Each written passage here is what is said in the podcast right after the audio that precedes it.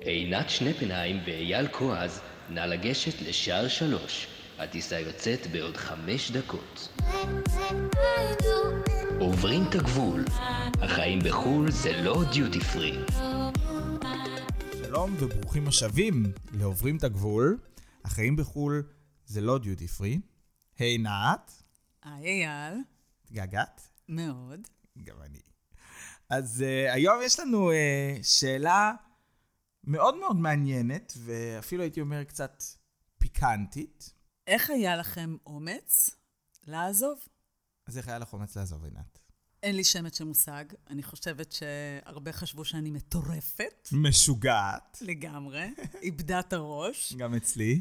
אמ, אני באמת, אני לא יודעת. אין לי שמץ של מושג מה עבר לי בראש ואיך היה לי אומץ אחרי חמישה ימים שהכרתי גבר בתאילנד והתאהבתי בו, והחלטתי שאני עוזבת תוך חודשיים. עזבתי. חודשיים? חודשיים.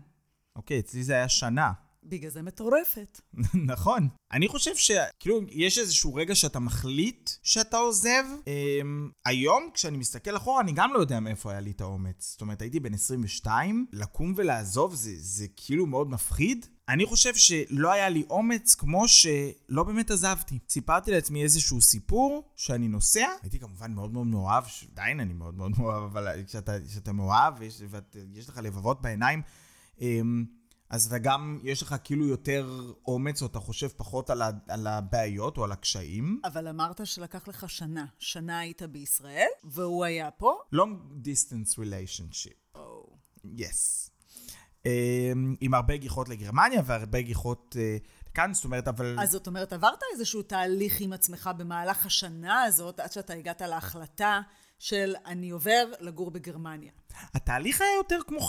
כאילו השנה הזאת הייתה כמו בתחושה שבוע, כאילו זה היה מטיסה לטיסה. זה היה תמיד נופש, כי כשאנחנו היינו שם זה היה נופש, וכשהיינו בארץ זה היה נופש. ולא עברתי איזשהו תהליך מחשבתי. היה לי ברור שאני, שכאילו רובן לא למד עוד, היה לי ברור שאנחנו ניסע לגרמניה, אבל כשעזבתי, או שקיבלתי את ההחלטה לעזוב. קיבלתי עוד החלטה. שאני משאיר הכל פתוח. מה זה אומר אני משאיר פתוח? זה אומר שבטיפשותי הרבה המשכתי לשלם ביטוח לאומי. עוד, זאת אומרת, שילמתי ביטוח לאומי חמש שנים עד שבעצם ביטלו לי את האזרחות. מהמדינה ביטלו לי את התושבות. כי זה עד חמש שנים. עד חמש שנים. השארתי לעצמי כאילו כל מיני חשבון בנק, זאת אומרת, השארת את שביל הבריחה, מה שנקרא. כמו שהייתה לתת בריטה. ש... שביל הבריחה. לא. אתה לא- את עצמך. ויתרנו על ריטה. אמ, כן, השארתי לעצמי איזשהו שביל בריחה, איזשהו דרך מילוט, שאני... אולי אבל לא. לא בעצם כמו שביל בריחה, כמו זה שלא הייתי צריך את האומץ לעזוב, כי לא עזבתי, באמת. כאילו עזבתי, אבל השארתי פתח קטן. עזבת פיזית, ואמרת לעצמך, בסדר, מקסימום, אני חוזר. נכון, ואז אם אין לך מה להפסיד, אז אתה, אז כאילו, לא צריך כל כך הרבה אומץ, כי יש לך לאן ליפול. אז מבחינתך, באחורה של הראש, אמרת, אני לא מקבל החלטה. אני נוסע לבדוק, ואם יהיה בסדר, אז אני אפסיק לשלם למדינת ישראל את כמות הכסף שאני משלם לה, אבל בינתיים זה יעלה לי הרבה כסף רק בשביל השקט הנפשי שלי. נכון, כי כאילו, יש איזשהו תהליך בזה שאתה חותם על איזשהו משהו שאתה מוותר, שהוא כאילו משתק, כי זה סופי. כי זה סופי.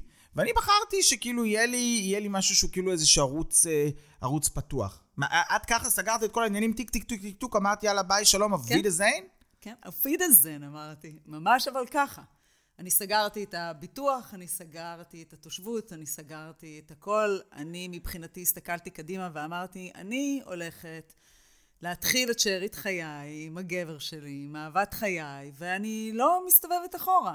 ומה שיהיה, יהיה. אני לא חושבת שאני עשיתי איזושהי עבודה עם עצמי, כשאני חושבת על זה בדיעבד, אם, אם באמת זה היה נכון, לא נכון, את מפחדת, לא... פ, פשוט אמרתי, תמות נפשי עם פלישתים ואני הולכת. אז את חווה אלברשטיין אמרת, שלום. לא. לא לשיר. שלום, אני הולכת. שלום, אני נוסעת. וניתקתי. זה, זה אומץ. זה אומץ. היום כשאני מסתכלת על זה אחורה, זה אומץ. אני לא יודעת מאיפה, מאיפה היה לי את האומץ. את יכול הביצים. להיות, יכול להיות בגלל שאני לא התעסקתי בשאלה, ובגלל שאני לא שאלתי את עצמי שאלות, ובגלל שלא אמרתי מה יהיה והסתכלתי על העתיד, אלא אמרתי כאן ועכשיו. וכשאתה מסתכל על כאן ועכשיו, אין פחד. היה איזשהו שלב שאמרת, בוודאי, כי הרי כדי לנסוע, וכדי שיהיה את האומץ לעזוב, אתה צריך איזושהי פנטזיה. הפנטזיה שלי הייתה אהבה רומנטית עם הגבר שלי, עם הגבר של חיי. נכון שיש איזשהו הבדל בין הפנטזיה למציאות שאחר כך פוגשת אותנו כשאנחנו מגיעים לגרמניה. אני חושבת שהמציאות שלי הגיעה להחלטה. זה היה בשבוע הראשון שאני הייתי צריכה למצוא טמפון עם מוליך, ואנחנו מחפשים באיזה שלושה סופרים, ואין טמפון עם מוליך בגרמניה. אני חשבתי בחו"ל יש הכל, מסתבר שלא. ובסופר האחרון שאנחנו נכנסנו, אני מבקשת מהמוכרת טמפון עם מוליך, ואני אומרת לה את זה באנגלית, והיא חוזרת ואומרת לי את זה בגרמנית, עונה בגרמנית, ואני לא מבינה מה היא רוצה ממני, ואז אני מוצאת את עצמי מדברת בפנטומימה, ודוחפת את האצבע לאגרוף שאני עושה ביד שמאל, ואני מכניסה ומוציאה ומכניסה ומוציאה. היא כמובן חושבת, מי זאת הסוטה המטורפת הזאת? טוב שהיא לא הזמינה לך משטרה. ממש מזל. פוליצאי. ממש מזל. ואני קולטת את התסכול, ואני יוצאת החוצה, ואני מתיישבת על המדרכה, ואני פורצת בבכי, וארנו מחבק אותי ואומר לי, ממי, זה רק טמפון. ואני אומרת לעצמי, לא, זה לא טמפון, זאת שארית חיי. אם בטמפון, אה, זה הולך להיות לי ככה קשה, מה יהיה הלאה? אם הכישלון כבר בטמפון... בת... בדיוק.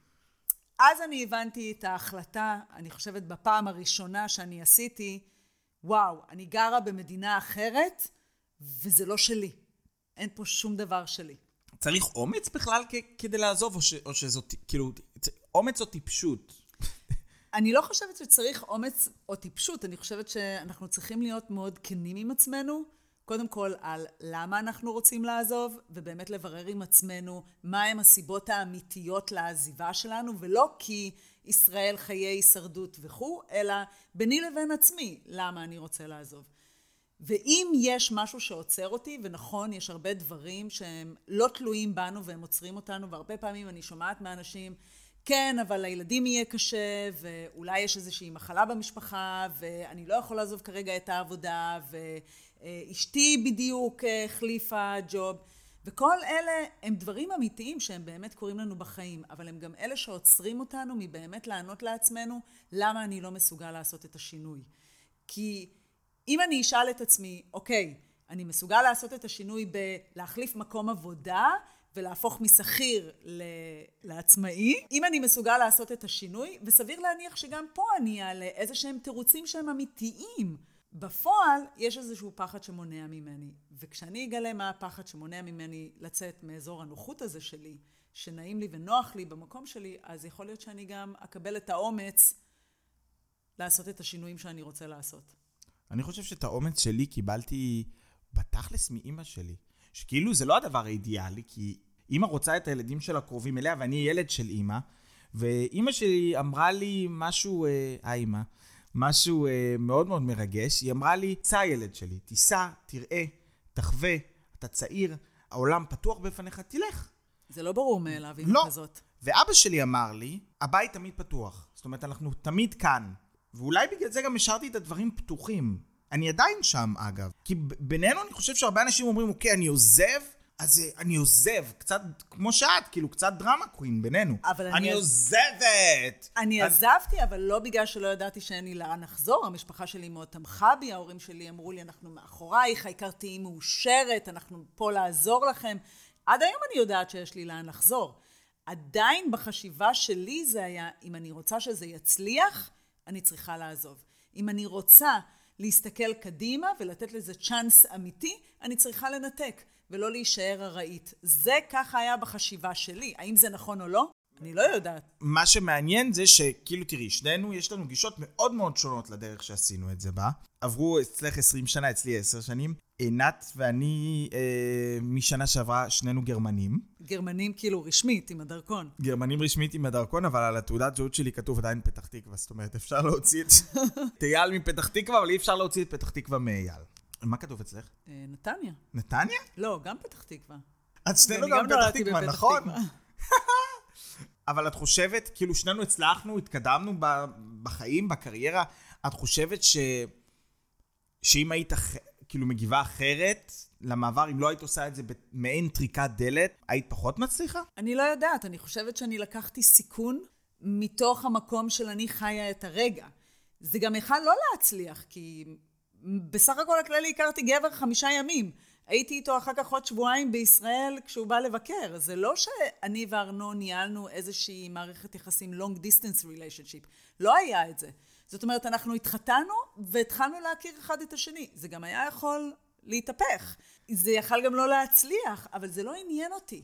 כי מבחינתי אני ידעתי, אני הולכת לעשות את כל שביכולתי כדי שזה יצליח, כדי שזה יעבוד. אבל פה אני חייב להגיד משהו שהוא כאילו, הוא גם כללי לכל נושא בחיים בעיניי. ששואלים איך היה לך אומץ, מה חשבת שיהיה.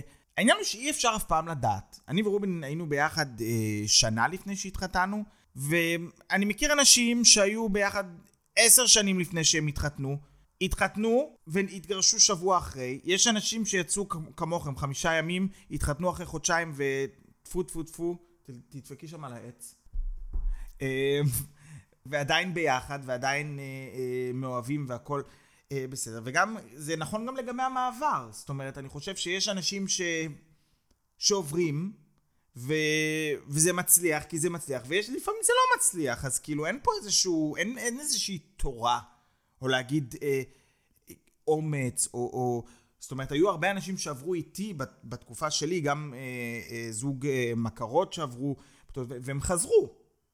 כל אחד מסיבותיו שלו. אין לזה חוקים, אין לזה מה נכון ומה לא נכון. יש מה נכון בשבילי לאותו רגע. אני חושבת שאם אנחנו רוצים רק לקבל את ההחלטה הזאת ולהיות מסוגלים לצאת, אה, בין אם זה מסע או נוודות, או אם אני מסתכלת בפייסבוק, כל כך הרבה שואלים על אה, לצאת למסע, לצאת לרילוקיישן.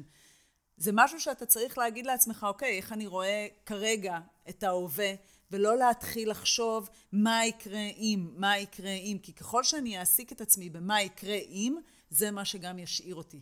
זה הפחדים בעצם, זה. זה העתיד. אם אני אומר לעצמי, אוקיי, אני יוצא, ומה שיהיה יהיה, ואני עושה את המקסימום כדי שזה יצליח, אתה יוצא לדרך. נכון, למרות שהיום כשאני חושב אני הייתי בן 22, מאוד צעיר. את היית בת 30 כשעזבת. אני הייתי בת 30. עם, כאילו, אני הייתי ב, אחרי שירות uh, בדובר צה"ל, עבדתי קצת וזה, אבל לא היה לי איזה עכשיו... Um, את כבר עבדת? הייתה לך uh, קריירה? מפחיד. הייתה לי דירה, היה לי טוסטוס, היה לי רכוש, הייתה לי קריירה בעולם פרסום, זה לקום ולוותר על הכל. בלי, בלי לחשוש, בלי, בלי לחשוב.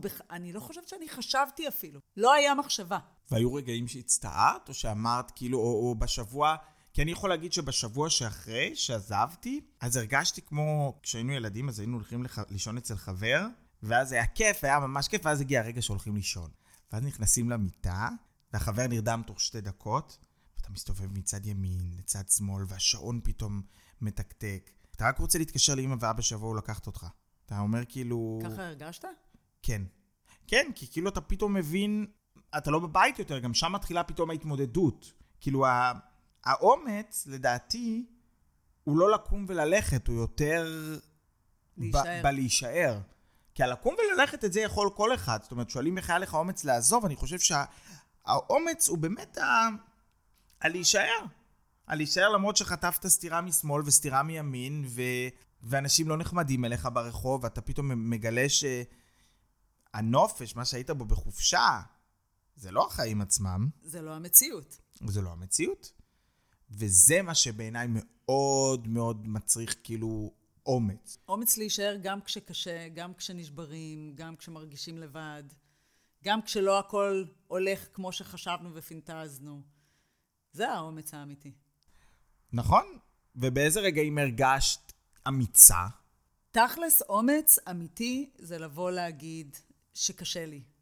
הרגעים שבהם הרגשתי הכי אמיצה זה כשיכולתי לבוא ולדבר עם ארנו ולהגיד לו, קשה לי, בודד לי, לא נעים לי, אני בהשוואות, אה, כל הזמן השוואות ישראל-גרמניה.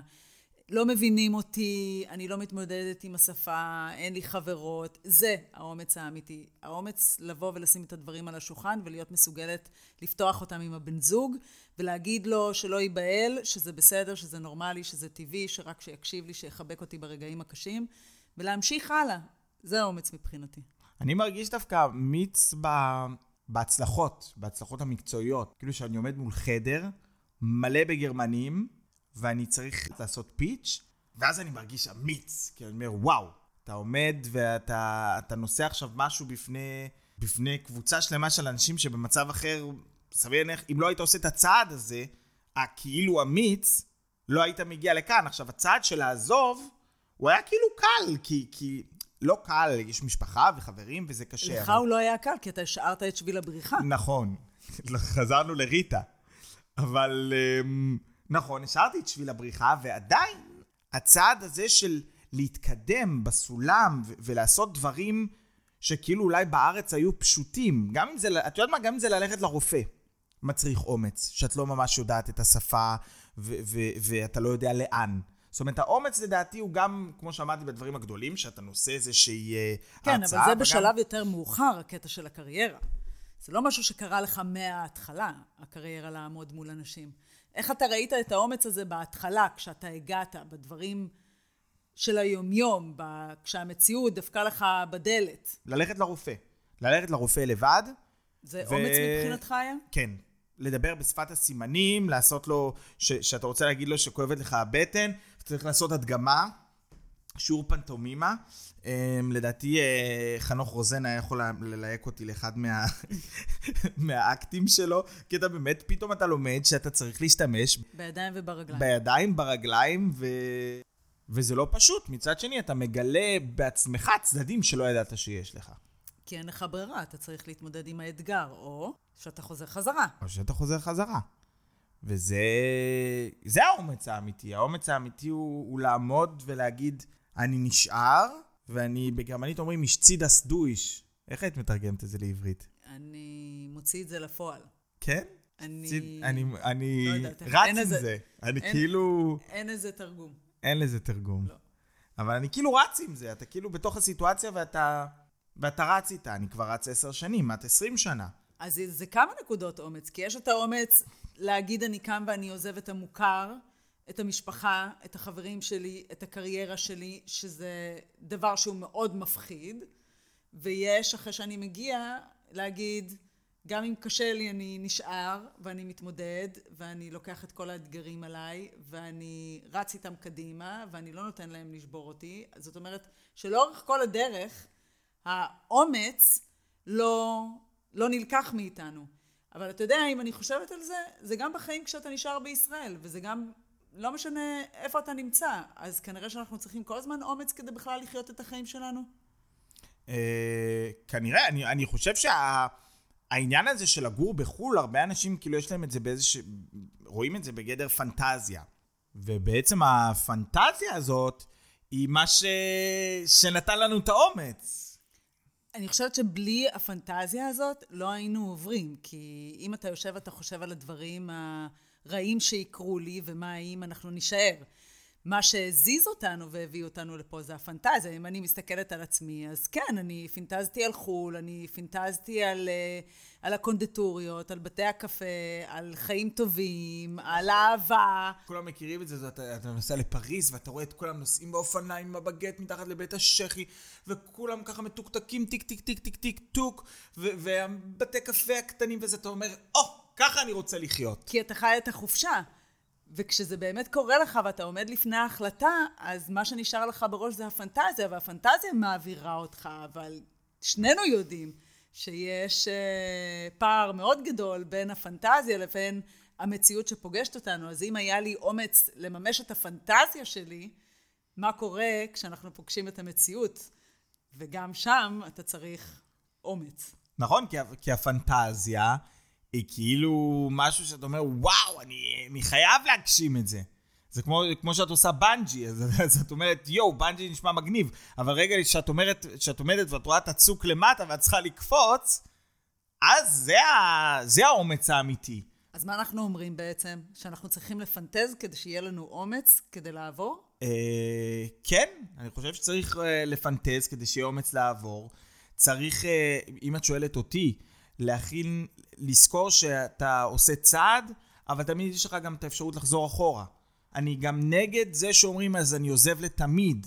אה, אני רוצה מתישהו לחזור הביתה, אני רוצה מתישהו לחזור לארץ. ואולי הידיעה הזאת היא שאני לא אומר, אני עוזב עכשיו לתמיד, אני אה, לא אחזור יותר לפה לעולם. איזושהי מחשבה של כן, אני עוזב, ואני מנסה. ואם אני לא אצליח, אני אחזור, וזה גם בסדר. שהאופציות תמיד פתוחות. כן, האופציות תמיד פתוחות. לא צריך לנעול ולהגיד, אני יוצא למסע עכשיו של שנה, ואם אני לא, לא יוצא למסע של שנה, אז אני לא יוצא בכלל. אפשר גם לצאת למסע של חצי שנה ולנסות, ותמיד לחזור, ואם כיף, אז נישאר ונמשיך. נכון? יהיה לך את האומץ לקום ולעזוב את גרמניה ולעבור לישראל? זה נשמע מצחיק, אבל אה, אני, אין לי, כרגע אין לי את האומץ. אם היה לי את האומץ, למה? הייתי עושה את זה. כי אני יודע היום מהמקום שאני נמצא בו, שזאת רק פנטזיה. אני יודע היום שה... ה- ה- החופשה הזאת בארץ, החלום הזה, הוא, הוא חלום, והחיים האמיתיים הם יותר קשים. ואני יודע שהאומץ האמיתי מתחיל ברגע שנחתת. אתה יודע, גם אני חושבת שלי לא יהיה אומץ לחזור לישראל, למרות שארנו פתח בפניי את האופציה ואמר אולי תחזרו אם את רוצה, אה, את והילדים תחזרו לישראל, כי כל פעם אחרי חופשה בישראל אז מאוד קשה לי לחזור חזרה לגרמניה. אנחנו מאוד אוהבים את תל אביב, את הים, את השמש, את האווירה, את התרבות, את המסעדות. ופתאום כשהוא פתח בפניי את האופציה ואני אמרתי, יואו, רגע, מה, אני אחזור לחיות בישראל? פתאום הבנתי שאני מתחילה להעלות פחדים, ואני לא בטוחה שאני אמיצה לעשות את זה חז...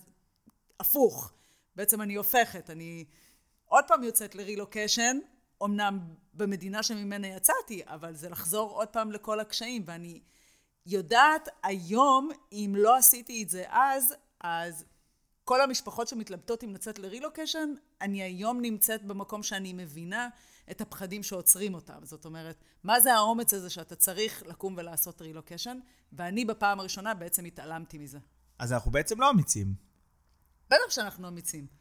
אני חושבת שאנחנו אמיצים כל הזמן. אנחנו אמיצים בלחיות. כל מי שחי בישראל הוא אמיץ. יש הרבה דברים להיות אמיצים. כל דבר שאנחנו עושים בחיים שלנו זה להיות אמיץ. אם אני מתחתנת, אם אני מביאה ילדים, אם אני עוברת לגור בעיר אחרת, אם אני משנה מקום עבודה, על כל דבר שאני עושה, זה אתה צריך אומץ. לחיות את החיים האלה זה אומץ. אז אנחנו אמיצים. כולם אמיצים. ובכולנו יש אומץ. אנחנו רק צריכים למצוא אותו בתוכנו בשביל השינויים הדרמטיים, השינויים הגדולים, מה שאנחנו לפעמים אה, יותר מדי שמים שם אה, סימני שאלה ומחשבות. ריגשת אותי. אתה בוכה? עוד לא. אחר כך, אבל תמיד את הממחטות. אני מכינה. אז אנחנו נתראה בפרק הבא, באומץ? רק באומץ. אם אתם רוצים לשאול אותנו שאלות, לשתף אותנו בסיפורים, בחוויות, אלה שחולמים בישראל, אלה שגרים בחו"ל, אתם יכולים להיכנס אלינו לקבוצה בפייסבוק, עוברים את הגבול, החיים בחו"ל זה לא דיוטי פרי, ושם לכתוב לנו כל מה שתרצו. תעקבו אחרינו באינסטגרם, ואנחנו נתראה בפרק הבא. כן, עם הרבה אומץ. אז תהיו אמיצים ותבואו.